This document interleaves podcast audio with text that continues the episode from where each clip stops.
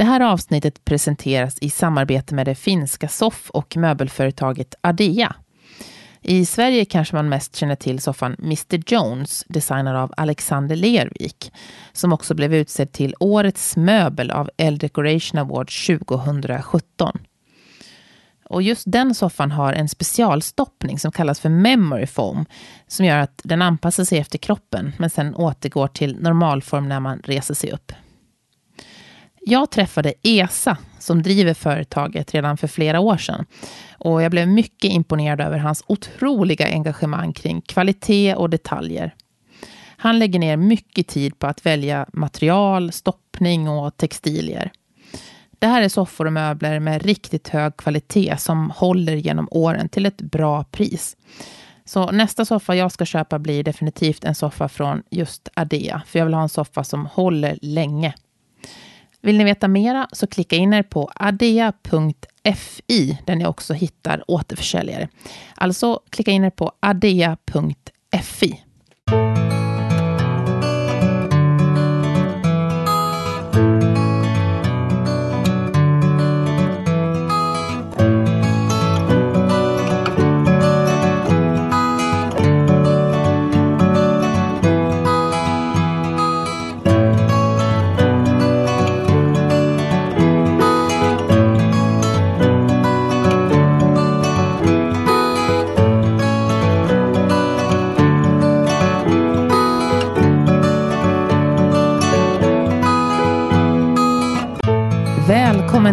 första avsnittet av Inredningspodden med mig Johanna Hulander. Här kommer du varje vecka att få träffa en person som arbetar med inredning, design eller arkitektur. Gå gärna in och prenumerera på Inredningspodden så vet du när nästa avsnitt släpps. Och gå hemskt gärna in och skriv ett omdöme så hamnar podden högre på listorna. Nu är det dags att presentera Inredningspoddens första gäst. Hon började sin karriär med att envist klampa upp på ett bygge för att höra sig för om det fanns något jobb till just henne. Tredje gången gilt så fick hon till slut en chans. Men att jobba på ett bygge som ung tjej var inte helt lätt. Till slut fick hon nog och gav igen på ett ganska ovanligt sätt. Idag är hon en av Sveriges hetaste husarkitekter. Hon är aktuell i SVTs nya satsning Hemma hos arkitekten. Hon bor på en ö i ett egenritat hus. Vi pratar om hur man får balans i livet när man lägger ner sin själ i sina hus. Välkommen till inredningspodden Martina Eriksson. Tack. Alltså här sitter vi omgivna av ull, eh, modeller och eh, ritningar och ja, var är vi någonstans? Eh, vi är på mitt kontor i Visby som jag delar med Barbro Lommacka och eh, Eldblå bland annat. Men det här rummet där vi sitter är, Barbro och mitt arbetsrum. Ja, vilka fantastiska husmodeller runt oss. Ja, vi jobbar bland annat här till vänster med ett projekt som är eh, ett hotellrum i ett område som heter Salthamn, där vi jobbar med väggar som ska delvis innehålla ull. Oj, oj, oj. Alltså yttre väggar av ull? Ja, yttre väggar av ull. Fast de kommer vara väderskyddade av tak som sticker ut. Och vi har även inre väggar i den isolerade zonen som också har ull. Ah, jag önskar att ni kunde se det här, ni som lyssnar, för det är ett bygge. Så vi måste nästan ta och filma det här så att man får se det in real life också. Ja, det är svårt att helt kanske beskriva det med ord. Då. Ja. Eh, och den här modellen till vänster här, där eh, jobbar vi också med något som vi kallar för Eh, att vi utvecklar uterum, eh, skapar mikroklimat för människan, men vi jobbar också med halvklimatiserade rum, alltså rum som är mellan det att vara helt inne i den isolerade eh, delen av huset och det att vara helt ute under öppen himmel. Oh, det där är något som vi måste komma tillbaka till lite senare. För, för de som inte känner dig, och känner till ditt, ditt jobb så kan man ju nu ha sett dig på SVTs nya satsning Hemma hos arkitekten. Där ja, du var först det. ut av sex eh, arkitekter som kommer här under hösten. Ja, jag, jag tyckte det var en väldigt eh, ambitiös serie av SVT att eh, våga sig på att ställa frågor om vad är arkitektur och eh, lite mer djuplodande, eh, men ändå lita på att människor förstår. För det handlar ju trots allt om att bygga hus för människor. Så annars vore det ju lite meningslöst. Ja. Är det så att efter den här eh, SVT, efter, det här programmet, att du har fått många fler, är det många som vill ha samma hus som, som ditt? Eh, nu var det ju nyss det här programmet gick. Det är ju bara några dagar sedan. Men eh, jag har ju redan fått lite eh, frågor, förfrågan och sådär på mail. Och, och, och, folk ringer och tycker det är intressant med det här med att bygga eh, i förhållande till platsen och eh, att tänka kanske rum på ett annat på ett annat sätt. Då. Jo, Martina, när man googlar på dig så kommer det upp dels då att du har ritat Håkan Nessers lyxhus. Och sen kommer det också upp det här med att du arbetar väldigt mycket med olika vind och eh, mikroklimat. Hur, hur, vad, vad menas med det egentligen? Eh, jag eh, tänker att eh, man kan fokusera väldigt mycket på att olika material har, har bra egenskaper i förhållande till isolering. Eh, men det handlar väldigt mycket om produkter hela tiden. Och eh, vi, jag, tror också vi är styrda av en produktmarknad som vill att vi ska köpa olika saker. Men naturligtvis är det viktigt att välja bra material.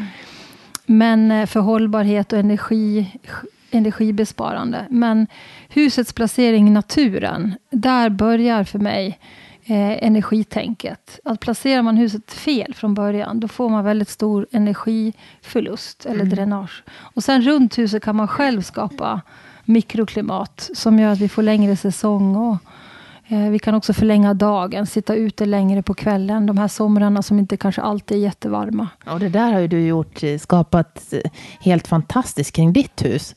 Just det där tänket att man kan använda hela säsongen och Eh, ja, vi började ju bodde i husvagn, min man och jag. Eh, och de sex första åren så, så var vi väldigt mycket på vår eh, tomt här i Gammelgarn på östra Gotland. Och vi bodde väldigt mycket i vår husvagn året om egentligen. Även om vi hade lägenhet i Stockholm. Men vi åkte emellan väldigt mycket. Så ni bodde i husvagn i sex år?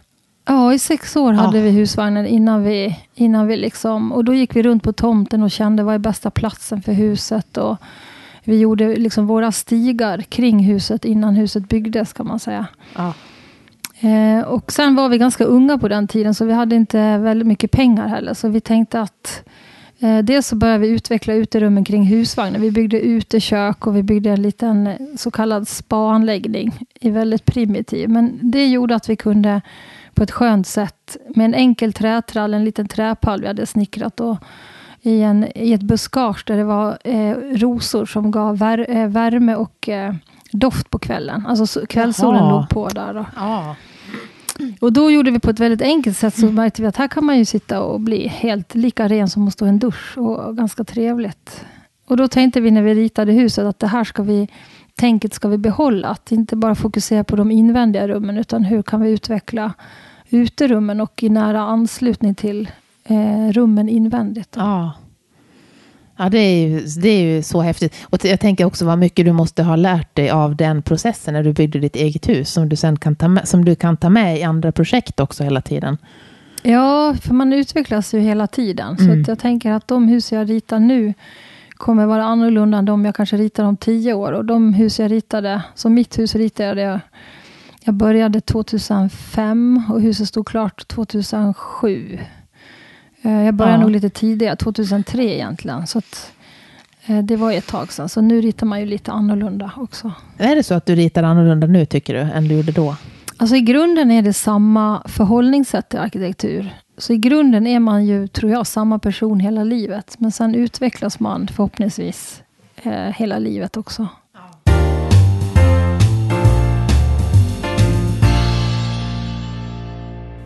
Jo, Martina, du har ju också ritat eh, Håkan Nessers lyxvilla.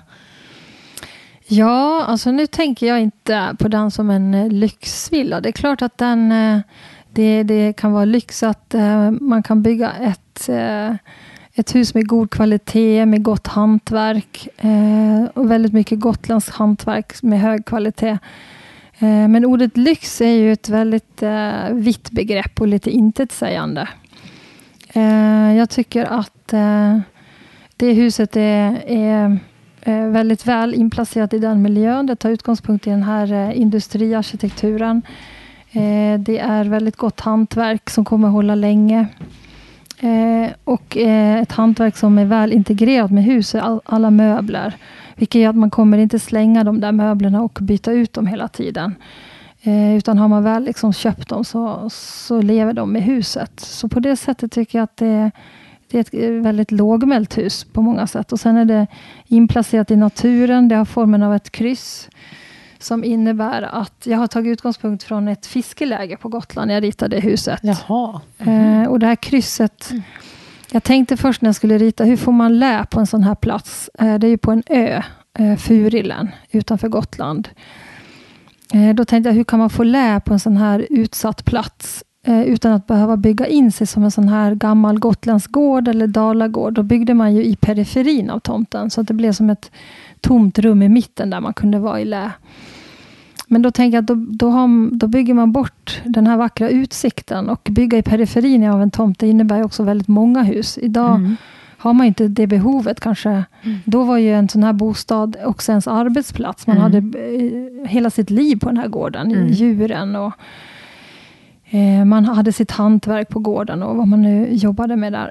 Men eh, eh, då tänkte jag om jag bygger ett kryss som man har byggt här, Gringe fiskeläge som ligger ute på en udde där det blåser. Och det blåser från olika håll, ibland på en och samma dag. Då tänker jag att man har alltid platser att gå till i det här krysset. Ah. Men det öppnar sig samtidigt upp så att Håkan och hans fru från det här huset kan se den här vackra utsikten från många olika håll. För åt ena hållet har man en vacker tallskog. Åt andra hållet har man hav. Åt ett håll har man det här eh, otroligt vackra karga stenlandskapet som är det gamla kalkbrottet. Ah. Det är väldigt speciell natur såklart på den här ön. Ja, det är väldigt speciellt. Och, eh, så att jag skulle kalla han, det huset ett, ett öppet ett öppet läskydd. Mm. Att bygga liksom på ett öppet sätt men ändå få lärplatser. Då. Mm. Men det du säger också med lyx, det är lite intressant. För att om man bygger en sån, ett sånt hus och så har man då byggt inredningen som ska passa till det här huset så är det klart att man har inte lust att byta ut det. Så att på sikt så blir det ju en besparing mot, mot Eh, Eh, jag, menar, jag vet att vissa stora inrednings eller möbelkedjor de säljer soffor. Man vill ha nya soffor hela tiden. Eller nya matbord och nya stolar. Men har man fått sina möbler byggda för just det här rummet då, då är man ju inte så benägen att byta ut dem. Nej, och, och de här möblerna är Vissa är platsbyggda eh, och sitter liksom fast med väggen som bokhyllan och det finns eh, också ett otroligt vackert bord som tar utgångspunkt från ett eh, gammalt munkkloster på ön. Och det, hela liksom formspråket för det bordet och proportionen på bordet stämmer med rummet. Ah. Så att, och jag tänker att vi, vi drivs hela tiden, fast vi inte tror det, ändå av att vi ska köpa saker fortfarande. Mm. Även om och nu finns det ju liksom ordet ekologiskt och hållbart i, i varenda mening. Som får oss att tro att ja, men jag kan fortsätta köpa väldigt mycket, men för det är mm. ekologiskt och hållbart. Eh, och det här med lyx då, att eh, alltså, har man råd initialt att bygga ett hus med kvalitet, då kommer man få ett ekonomiskt hus på sikt. Så jag brukar mm. säga till många av mina beställare, att bygg hellre mindre med kvalitet, än stort eh, med dålig kvalitet. För då kommer man hela tiden i framtiden få lov att lägga ut jättemycket pengar på att hela, kontinuerligt renovera. Och då i slutändan så kanske man till och med har dyrare hus ah. än en som byggde med kvalitet från början. Ja, det där är väl fantastiskt intressant. Men sen gäller det ju förstås att ha pengarna initialt och det har ju inte alla. Så det är klart Nej. att alla kan inte bygga ett sånt här hus. Eh, men däremot så kan alla när de bygger, bygga mindre med ja. kvalitet och sen kanske ha en plan för hur det här huset kan byggas ut när man blir fler i familjen eller när man får mer pengar. Eller, ja, men är inte, det, etapper, är inte det något som du kan utveckla? Att, att skapa en sån modul, ett sånt modulkoncept? Så man kan köpa Villa Martina i eh, grundkit 1. Sen har man grundbyggnad, påbyggnadskit 2. Ja, jag har haft lite idéer om det för länge sedan. Men det föll ändå på att ett hus blir intressant när ja. det möter sin plats. Mm. Sen kan man ju få ett hus som är ganska okej. Okay. Det finns ju jättemånga fina kataloghus idag också. Men, eh, och de kommer ju en bit på väg. att De som försöker höja kvaliteten Eh, men man kommer inte ända fram om inte huset anpassas efter sin plats ändå. Så det, den där sista pusselbiten, den får man inte när man försöker standardisera. Då. Nej, men det är en väldigt intressant tanke ändå att man börjar med grunden på, vad kan man säga, kanske 70 kvadrat eller någonting. Ja, det är ett intressant koncept. Mm. Eh, och där har man liksom grunden för att kunna vila, vara, vara i fred, vara privat i sitt hem, mm. att umgås, att laga mat och sen att man när man kopplar på de här tilläggsdelarna, då får man också ett hem som kan värmas i olika zoner. Man kan till exempel koppla, ha en entré sen som är i form av ett orangeri och sen i det kan man koppla till eh, mera sovrum eh, som en avdelning för, som är mer privat. Oh. Eh, och sen kan man ju då när, värma de här lite olika. Och sen när barnen flyttar hemifrån, då kan ju en del eh, sänkas ner helt tills, de kom, tills man får gäster på besök eller sådär. Så det går ju, alltså att bygga etapper finns det många eh, fördelar med. Då.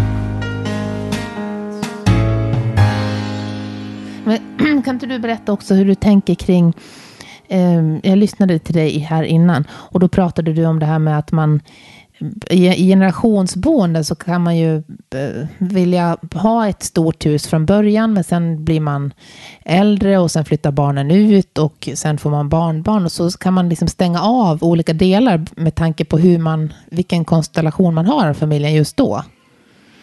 Ja, jag började att tänka att måste ett hus vara jättestort, 200 kvadratmeter är ju egentligen ganska stort, men det är ju ganska normalt. Många hus är bra mycket större än så. Och så tänker jag att man flyttar in där, man kanske är ung, man kanske har små barn och så växer de upp och flyttar hemifrån och till slut så kanske man bor där helt själv till och med. Och ska man då värma upp de här 200-300 kvadraten lika 22 grader varmt. Eh, jag tänker att det det verkar ju dumt. Så ja. då... När du säger det så. ja. ja. Så då tänkte jag att kanske man kan dela in huset i olika temperaturzoner. Och Det kan också vara en kvalitet när man bor i hela huset. Att vissa delar är, är svalare, till exempel där man sover eller arbetar. Och vissa delar är, är har man högre temperatur. Eh, som till exempel ett allrum, där kanske man har 20, 22 grader. Har man en eldstad så kan det också bli ännu varmare. Och badrummet som är ganska litet kan, kan man ju kanske ha 30 grader varmt om man vill. Om, om man är naken där inne och, och behöver ja, liksom vilket värme. man vill vara. Precis, Oftast. ganska ofta. Men du, jag tänkte så här. Du, har ju, du kommer ju ifrån Mora i Dalarna. Och eh, hur har det påverkat din, ditt sätt att eh, tänka och, och rita idag? Uh, ja, jag var ju mycket i de här byarna som min pappa kommer ifrån, Berkalås och Färnäs. Och, uh, jag um, har tagit med mig det där när jag ritar idag. Jag tycker det är ett väldigt fint sätt när man rör sig i de här gamla byarna som Färnäs till exempel, som är en ganska stor dalaby, väldigt tätbebyggd. Och där man kan se att den byn är lite upp, upp, ja, upp, uppbyggd som en stad. Ah. Med huvudgator, mindre gator. Sen när man närmar sig gården så går man ibland via kanske ett portlid där in på gården och sen in i det privataste huset. Så att det finns möjlighet att, att också närma sig eh, varandra på ett, eh, på ett fritt sätt. Mm.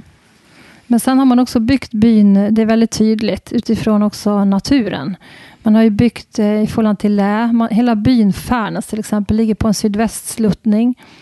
Många äldre byar runt Siljan ligger högt upp där man hade eh, inte så, så kallt på vintern.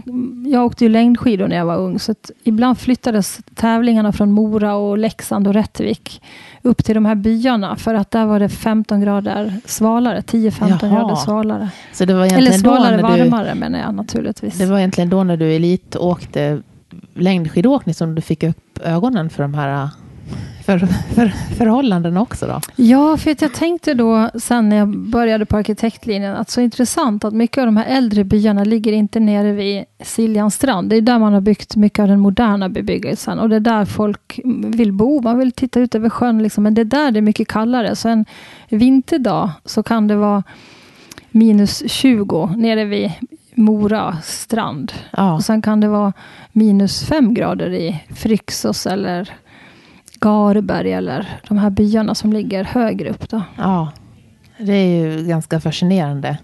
Så redan där har man ju energiförluster om man bygger hus där det här kallluftslocket ligger kvar flera månader på vintern. För kallluften är ju tyngre än varmluft, så den rinner ju ner på sidorna och lägger sig i botten av den här siluringen. Då.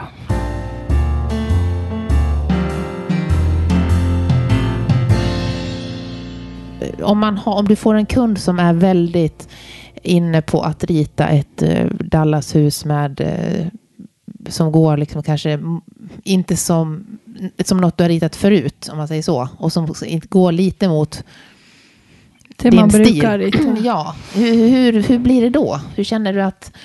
Alltså jag tycker i grunden så är stil väldigt ointressant. Eh, jag tycker det intressanta är det vad, vad liksom vill, vill platsen ha och vilken kostym ska sys här. Och när den kostymen sys eh, det vill säga man gör ett hus som passar en människa eller dens familj och dens liv. Eh, och det passar sen också ihop med tomten. Då sker det liksom en dynamik där som, som blir väldigt intressant.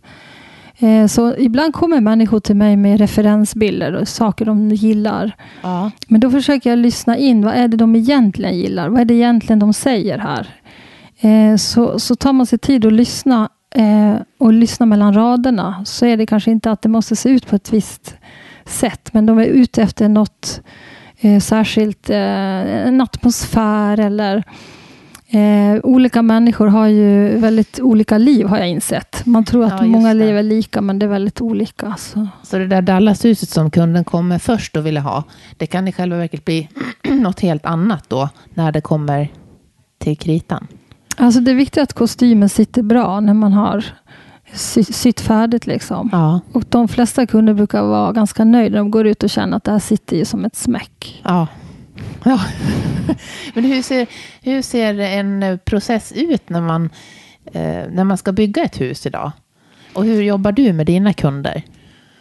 Eh, jag brukar börja med att eh, eh först får man beskriva vad man vill ha och sen gör jag en slags projektförslag där man eh, Eh, jag, redovisar vilka arbetsmoment som man normalt brukar ska igenom eh, och sen vad det kostar ungefär. Och när man tackar ja till det, då brukar jag börja med ett inputmöte. Ett eh, första möte där man träffas och man tar med referensbilder, Dallashus eller vad det nu kan vara. Ja.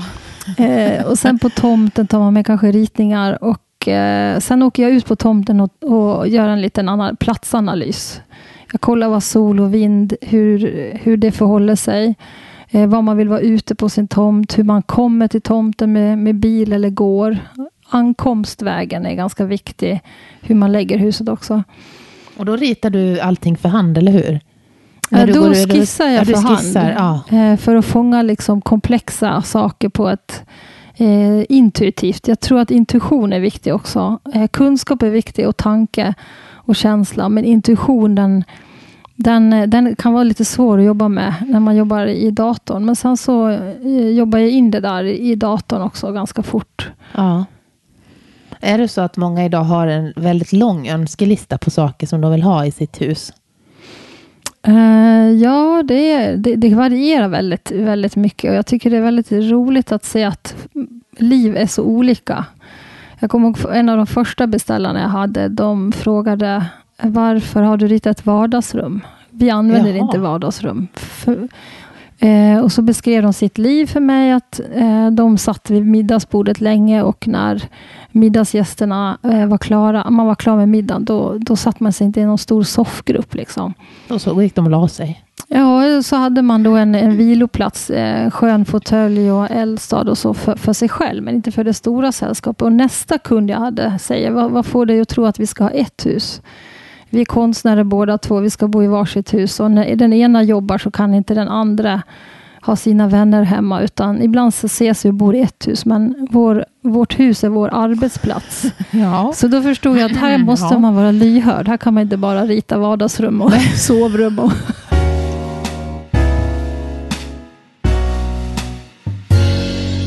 är det någonting som är så här att det här är någonting som alla har på sin önskelista. Så man ser att det, att det har ändrats under de här 20 åren du har jobbat nu som arkitekt. Att det går mera mot det här eller mindre mot det där. Jag tycker nog att det här med uterum har kommit mer och mer. Att många människor vill vara ute mer. Eh, och jag tror att det kanske har att göra med att många, många är inne väldigt mycket. Och eh, min, jag tänker bara på min farfar som var jordbrukare på sommaren och eh, på vintern hade han skogsbruk. Han var ute jämt. Och på hans hus i Berkalås eh, fanns det ingen uteplats. Det fanns en veranda att sitta på och sen var man ju direkt på gräsmattan. Och eh, när man var där så fikade man. Man vände upp och ner på en sån här potatislåda och satt och fika i potatisåkern. Ja. Och jag tänkte, skulle någon föreslå för honom att nej men nu ska vi hem och grilla ikväll. Då ja. tänker jag att man skulle ha fått något hårt i huvudet. Liksom. Ja. Så livet har ju förändrats eh, på det sättet. Eh, att nu idag så är många, många kanske jobbar inne på kontor och man kanske sitter i, i buss eller tunnelbana på väg till jobbet. Och, Eh, eller så bor man på landsbygden och sitter kanske många, många, kilometer, eller många mil i bil på väg till och från jobbet. Ja, jag tycker när man ser många, hus, många som ritar hus idag så tycker jag pool verkar vara någonting som många vill ha. Är det, no, är det no, en, någonting som du märker av? Ja, jag tycker det har blivit många som, som vill ha pool. Nu tycker jag det är eh, kanske ointressant att analysera kring, eh, jag vet inte, vad man ska säga om det. Då. Men jag, jag, tror att man kanske... Det finns många olika anledningar att ha pool. Det kan ju finnas eh, att det under många somrar har varit mycket algblomning på många ställen och eh, man kan inte bada. Det kan ju vara en anledning.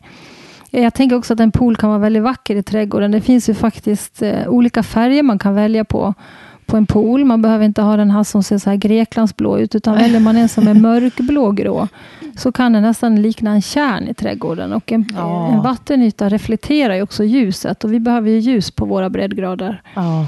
Så att en pool kan vara också väldigt vacker hela året om man, om man jobbar utifrån det sättet. Då. Ja, det låter ju otroligt vackert. Just att ha som en kärn utanför. Ja, ja jag tänker att eh, att eh, också naturen runt poolen behöver inte vara ett stort trädäck, utan man kan mjuka upp det med naturliga växter och sten och, ja. och trä, trä eh, liksom panel runt, då, eller sån här trall. Då. Men eh, om man får den mer naturligt in, så kan den också bli ett element som är vackert på annat sätt. Ja, det där det är någon, en dröm faktiskt för mig personligen. Fast det skulle förstöras av de här plastleksakerna som barnen tar in i poolen. Ja, mm. får göra dem i det, det, trä och ull. ja, ett nytt projekt för dig.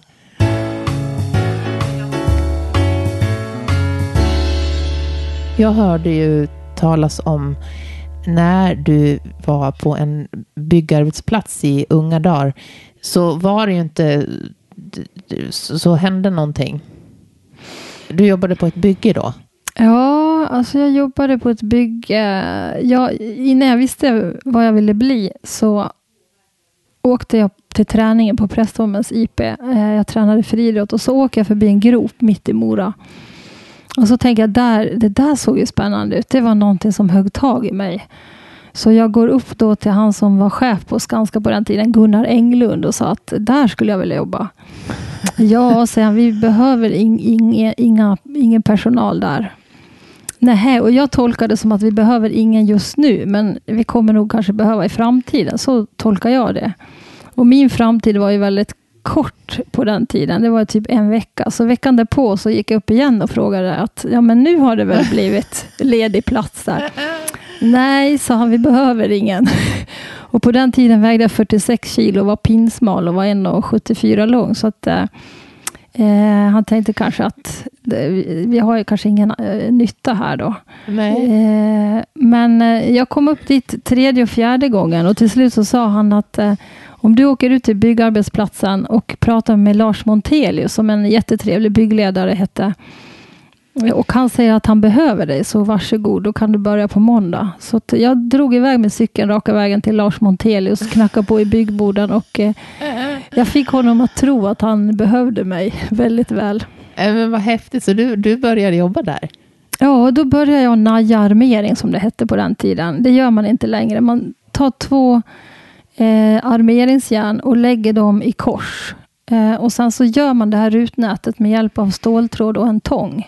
Och så vrider man ståltråden runt och så knipsar man av med tången och så bygger man det här nätet. Ja, men, och nu, är de redan, nu köper man dem färdig? Ja, nu kör Ja. man de färdigrutiga. Ja. Liksom. Precis. Men sen så efter ett tag så fick jag jobb, hjälpa han med utsättning. Jag, jag var som biträdande arbetsledare. Men det var ju han som var arbetsledare. Men jag fick eh, hjälpa till vid utsättning, höjdutsättning och lära mig hur man sätter ut ett hus. Och, eh, så, så det var väldigt lärorikt. Men sen som tjej på en sån pass, då var det ju väldigt mansdominerad, eh, en väldigt mansdominerad arbetsplats då.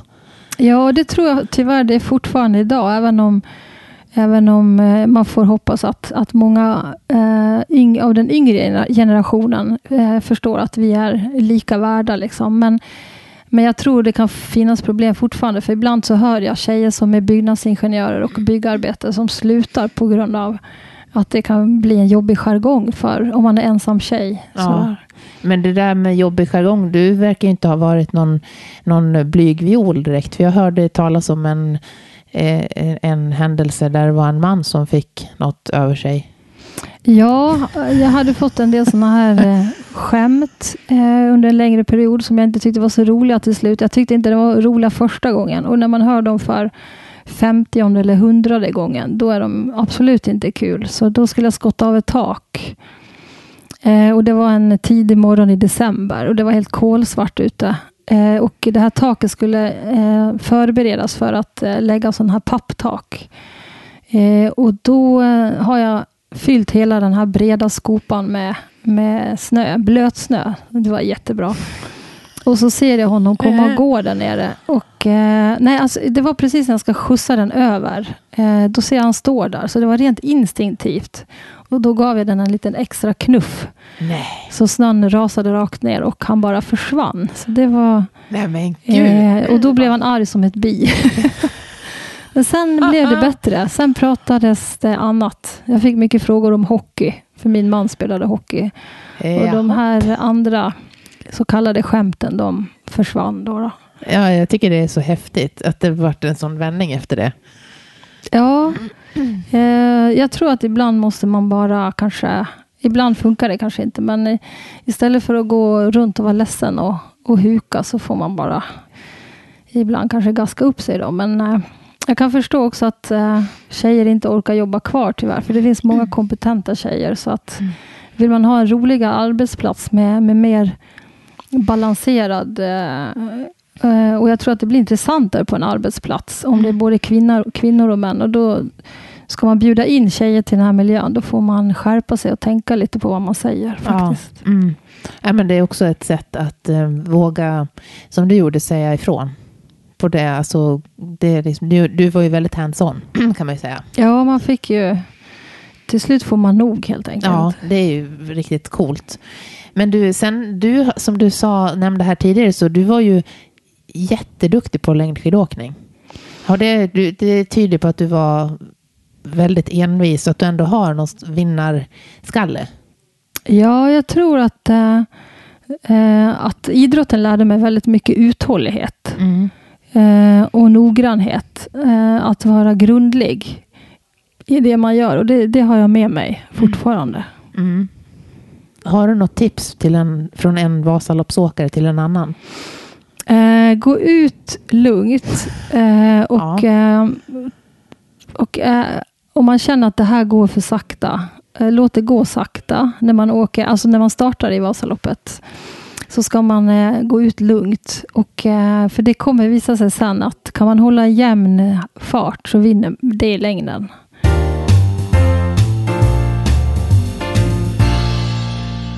Jag har ju sett ett exempel där jag har ritat en fantastisk tillbyggnad på en gammal dalagård. Och eh, jag tänkte, hur ser du på det här med till och ombyggnader? Att hålla, ska man hålla sig till stilen? Jag vet att många som lyssnar står ju kanske, man bor lite för trångt, man vill bygga ut, man vill bygga till. Ska man hålla sig till den stil som man, som man har, om man har en 40-talsvilla, eller ska man mm, tänka, tänka nytt? Hur, hur ser du på det?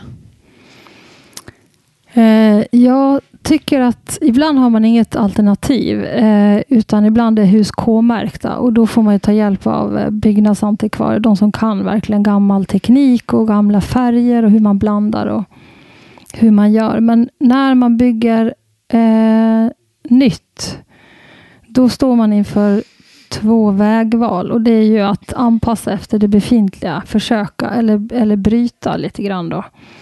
Sen kan man bryta på två olika sätt. Eh, man kan bryta så att det bryter eh, på ett dominant sätt. Eh, eller man kan bryta men att det ändå harmonierar med det gamla.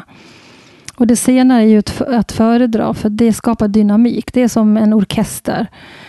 Man kan ändra bara eh, spela liksom med, med fioler. Mm. Och då blir, det ingen, då, då, blir det vacker musik, men det är ingen som bryter. Eller så kan man bryta in med ett annat instrument, men den måste ändå tala till de övriga i orkestern, så att det blir dynamik. Så att man inte liksom spelar högt och ljudligt själv och alla andra försvinner där bakom.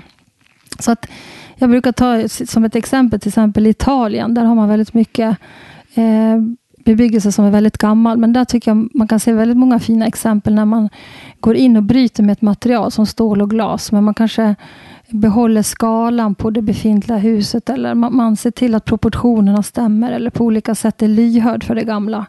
Då bryter man på ett, eh, på ett respektfullt vis och tillsammans så förstärker de varandra, det nya och det gamla. Mm. Är Italien ett ställe där du får eh, mycket inspiration, tycker du? Eller är, det, är inspiration överskattat överhuvudtaget? Eller Nej. får du fortfarande inspiration från vissa ställen som Italien eller ja? Ja, jag får mycket inspiration. Det tror jag är viktigt hela livet. Att hitta nya eh, saker som ger en eh, energi att vilja utvecklas och gå vidare. Och Italien tycker jag har mycket spännande arkitektur just för att man man kan inte bevara allt där, för det är så mycket medeltida. När vi sitter här i Visby så har vi ju en eh, fantastisk unik miljö. Eh, men när man kommer till Italien så finns det så många ställen som har sån här medeltida struktur. Ja. Många bergsbyar och så. Då kan man inte bevara allt utan man måste ju eh, gå vidare. Och jag tänker att kultur är, är egentligen utveckling. Mm. Eh, eller det är rörelse. Allt som inte är i rörelse dör ju. Mm. Sen är det viktigt att det finns eh, vissa saker som gör att vi människor kan gå tillbaka i historien och eh, som museum som förvaltar saker och att vissa byggnader blir K-märkta för att vi också kan läsa eh, vår, vårt, vår, vårt historiska arv. Mm. Är det några andra platser, jag tänker för de som lyssnar nu som är väldigt intresserad av arkitektur eller på, känner att jag skulle vilja veta mer. Finns det några speciella platser i Sverige som du skulle vilja tipsa om att ja, det, där, det där stället, det måste ni besöka? Uh, du tänker utifrån arkitektur? Ja. Alltså jag tycker det händer mycket här på Gotland. Jag tycker för att vara en landsbygd, nu ligger vi ju nära an till Stockholm förstås. Men för att vara en landsbygd så tycker jag det händer mycket spännande på Gotland. Det är inte bara för att jag ritar här, utan det är också för att jag tror vi har en arkitekturpolitik här nu som är bra. Vi har en väldigt bra stadsarkitekt som tycker att arkitekturen här ska få synas och ta plats, men ändå visa hänsyn till till eh, gammal bebyggelse eller landskapet. Men att man måste liksom få ge, ge avtryck av sin egen tid. Mm. Så Gotland tycker jag är spännande och jag inspireras ju fortfarande av de här dalabyarna som jag tycker är har väldigt mycket komplexitet. Mm, så att en resa i, på Gotland eller i Dalarna är, är ditt tips om man vill se mer? Uh, ja, sen tycker jag kanske att det är lite uh, tråkigt ibland när man reser runt i Dalarna att, att man inte ser kanske spännande ny bebyggelse i större utsträckning. Utan det är lite som att de äldre byarna kanske har väldigt mycket att visa upp men att hoppet till den här nya bebyggelsen är för stor ibland. Att ibland kanske är väldigt mycket ja, kataloghus eller och det ser ju likadant ut i hela Sverige. Så det vore intressant att hitta hur kan man liksom ha kontinuitet, ha kontakt med historien men ändå visa på, på nya eh, ny bebyggelse. Ja, och man förundras ju över att så många bygger sådana här pensionärskuvöser i Dalarna. Jag tycker det är eh, vi brukar sitta och räkna dem faktiskt. Ja, alltså det är en form av halvklimatiserat rum kan man säga. Men, eh, men som skulle kunna vara kanske lite intressantare på, eh, på många sätt. Det var fint, det var fint sagt. det var fint. De är många i alla fall ju.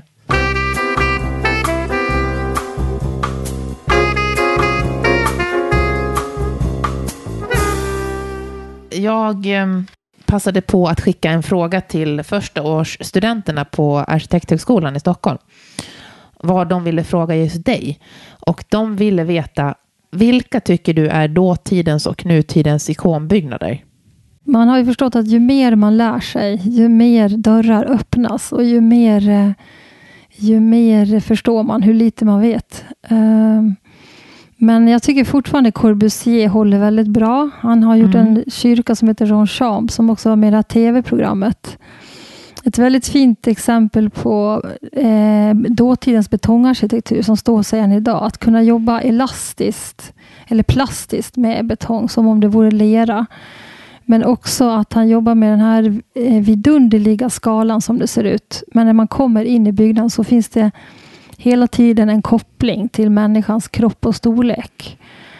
Eh, och Villa Savoie som jag också nämner där i programmet tycker jag är väldigt intressant. Det, det, är likadant, den upplevs på bild som gigantisk och när man kommer dit så, så har den en helt annan skala. Är det några som du känner att det här är wow? Det är wow Ja, det intressanta med Villa Savoie det var att den gick aldrig att bo i. Ändå Nähe. är det en byggnad som många vallfärdar till för att beskåda. Uh, så det är ju också lite intressant. Då. Ja. Hur ser du på nutidens ikonbyggnader då? Uh, alltså ikon tycker jag är ett väldigt svårt ord. För det är som att det är någonting som ställer sig före något annat. Och uh, Det som jag upplever av Le Corbusiers tidiga verk som är väldigt bra uh, tycker jag har ju ändå liksom eh, brister eller vad man ska säga. Det finns ju alltid någonting som man kunde ha gjort kanske lite bättre. Och det är väldigt bra med det, uh, för det finns liv i det. För någonting, alltså ikon, det är någonting som nästan är ouppnåeligt. Mm. Och det tror jag man ska försöka sträva efter, liksom en, det gudomliga i arkitektur. Alltså en känsla av att man är upphöjd som människa. För mm. jag tror att det är, det är någonstans där meningen finns. Liksom. Men eh, jag tycker det är eh, väldigt farligt också att ge sig in på det där med ikon. För det blir nästan som att det blir omänskligt. Mm. Men om, man, om du vill ge något, är det något sånt här, en, något, någon plats som du tycker att till de här första årsstudenterna att det här bör ni besöka. Det här, den här platsen bör ni besöka. Ja, då tycker jag faktiskt det här eh, skogskrematoriet i Gävle en, en otroligt vacker eh, och eh, ganska bortglömd byggnad som många inte kanske vet att den finns. Ah. Men den ligger alldeles strax utanför Gävle och den eh, vanns av eh, några arkitekter när de gick på KTH. De vann arkitekttävlingen. När, när var det här? Jag tror att det här var någon gång på 50-60-talet. Jag vet inte exakt när ja. byggnaden uppfördes. Och, det är fortfarande svårt, säger många hantverkare inom betong, att få till en så vacker betong. Och sen hur den ligger i skogen, i den här tallskogen. Och, uh, det är ett krematorium och begravningsrum för, för människor man ska ta avsked av. Ja. Och jag tycker att det visar också på en slags tröst eh, att gå in i de här byggnaderna. Det är flera liksom, byggnader som sitter ihop kan man säga. Man går in där och man får, man får någon slags eh, trygghet av den här skogen. Också, också en förståelse att vi kommer från naturen och går vidare. Det, blir, det, det är också en tröst. Och det är väldigt vackert ljus i den här byggnaden. Jag tycker att den är en ikonbyggnad. Faktiskt. Ja, det är något som vi måste besöka.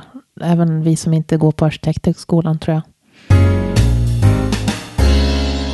Vi sitter ju nu som sagt med den här modellen över ett eh, slags hotell. Eh, hotell blir det då. Ja, vi kallar det för landskapshotellrum. Det är alltså hotellrum som infogas i naturen. Ja, det är som sagt, ni skulle se det. Det är alltså ett, som ett, vad kallar man det, etapper ner. Ja, det ligger på en, eh, en brant klippavsats med utsikt över havet. Men vi har hittat en plats eh, som har lä och sol väldigt länge. Vi var i januari, jag och Barbro, min kollega här, och gick runt på den här platsen. Och bara eh, några meter upp eh, från där vi nu har lagt huset så var det, blåste det väldigt hård vind när vi var där och det var väldigt kallt. Och bara, bara man gick några meter ner så hittade vi den här platsen som var fullkomligt lä och eh, hade värmande sol, även fast det var i januari. Så det tänker vi att det här är en perfekt plats för ett landskapshotellrum. Ja, det måste väl bli något lite unikt i Sverige. Jag tror att eh, bo i, i, naturen på det här sättet eh, blir nog väldigt speciellt. Ja. Eh, just här också att det är eh, den här västkusten av Gotland med den här vidunderliga utsikten över hav och kvällssol. Ja, det här du ritar nu, det är ju ett jättestort projekt. Där du får, det måste ju vara ett drömprojekt på, på, på, på många sätt. Men finns det något annat sånt här projekt som du känner att alltså det där är ju rena, det här skulle vara drömmen att få rita? Alltså jag tycker att jag ritar min dröm hela tiden. Jag, eh, jag tycker det är viktigt att jag kan komma i kontakt med platsen och de människor som jag ska rita för. Eh, och alla projekt där man inte kommer riktigt i kontakt med det, med de som ska utföra jobbet eller den man ritar för eller platsen där huset ska stå. Sådana projekt är ingen dröm för mig. Mm. Eh, utan, så det har egentligen inte med storleken på projekt eller om det är en kyrka eller kontorshus eller bostäder. Det är ganska ointressant för mig. För får jag inte kontakt, då kommer jag inte kunna eh, göra någonting som är intressant. Mm. Och alla projekt jag jobbar med nu har jag väldigt bra kontakt med. Så jag är väldigt, jag är väldigt nöjd just nu. Eh, jag tänker, du brinner ju verkligen för ditt jobb. Om ni som lyssnar skulle se Martina här, hon liksom, du strålar ju när du pratar om dina projekt. Hur är det att leva, du, du måste ju nästan leva med ditt jobb. Men nu har du jobbat i 20 år. Hur hittar man den där balansen? Att, att kunna både ha jobb, egen tid och alltså frit, fritid? Ja, det är en intressant fråga tycker jag. För det, det, är väl något jag strävar med fortfarande. För att jag tycker det jag jobbar med är så otroligt roligt. Mm. Och jag har väldigt bra ar arbetskapacitet tror jag. Jag är lite, lite ja, gränslös är ett, ett konstigt ord. Men jag, jag kan, när jag är inne i någonting, då kan jag verkligen glömma äta, glömma sova, glömma allt som är runt omkring. Man är som i en bubbla. Mm. Och den där bubblan vill man ju gärna vara i. För det, det på, på, något sätt när man har jobbat sig dit så är det den bästa platsen att vara på. Det är som ett flow liksom. Det är som ett flow, ja. Precis. Ja, man är inne i liksom en... Eh, ja, men man kommer in i ett flow. Det är en mm. viss typ av koncentration som gör att tid och rum nästan upphävs. Det, mm. det är som att man eh, är i ett slags nu bara. Eh, och det är klart att eh, när man är där så är det ju lätt att glömma allt annat runt omkring och eh, sig själv. Och, eh, men det blir ju självutplånande till slut. Eh, till slut så orkar man ju inte jobba på det sättet. Och då måste man försöka hitta en balans. Eh, så nu eh, det går väl bättre nu, men jag, jag, känner väl att jag har väl mer att jobba på för att också göra saker som bara är till nytta för mig själv. Ja, Uh, som att må, måla till exempel, det skulle jag vilja göra mer. För det gör man ju bara för sig själv. Jag mm. målar ju inte för att ta betalt uh, för mina tavlor. Det är mer kl klotter och kludd. Liksom. Men det kan jag känna ger väldigt mycket ja. glädje. Uh, och också vara jättemycket ute i naturen. Nu är jag lyckligt lottad som bor så att jag bara kan promenera rakt ut ur huset. Ja, verkligen. Det gäller bara att göra det också. Mm, ja, precis. Men du har ju de bästa förutsättningarna i alla fall. Ja. Är det någon, jag tänker på kommande avsnitt av Inredningspodden. Vem skulle du vilja se som en gäst? Vem skulle du vilja veta mer om? Ja, det var en intressant fråga. Uh... du får ta med alla i hela Norden. Alla i hela Norden. Och det är många att välja på. Hur ska ja, man kunna de ska sortera? kunna prata svenska helst då. Uh, Ja, jag har ju många norska vänner. Eh, mm. Jag tycker Elisabeth Lillegraven är väldigt intressant. Hon är en arkitekt som jag gick med på Bergen arkitektskola. Eh, nu pratar hon nynorsk, så den ja. dialekten kan ju vara svår för många att förstå. Men hon har bott i Sverige många år. ja, hon... det, det var ju ett väldigt bra tips. Det tar vi, det tar vi till oss.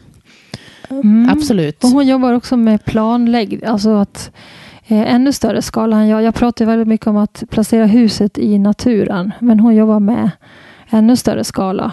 Eh, samtidigt som hon också har varit husarkitekt och ritat hus. Och hon, och hon är väldigt poetisk i sitt sätt att uttrycka sig. Hon kommer till Sverige lite då och då. Ja, hur, om man vill komma i kontakt med dig, om man vill att du ritar ens eget hus, hur får man kontakt, hur får man tag i dig? Eh, man kan mejla mig då, martina m-arkitektur.se och vill man först se lite mer och läsa lite mer så kan man gå in på min hemsida eh, som är www.m-arkitektur.se. Eller så kan man se på dig i SVTs också serie Hemma hos arkitekten. Ja, just det. Den kommer vara på SVT Play till och med maj nästa år. Ja, toppen. Tack snälla du. Ja, tack själv.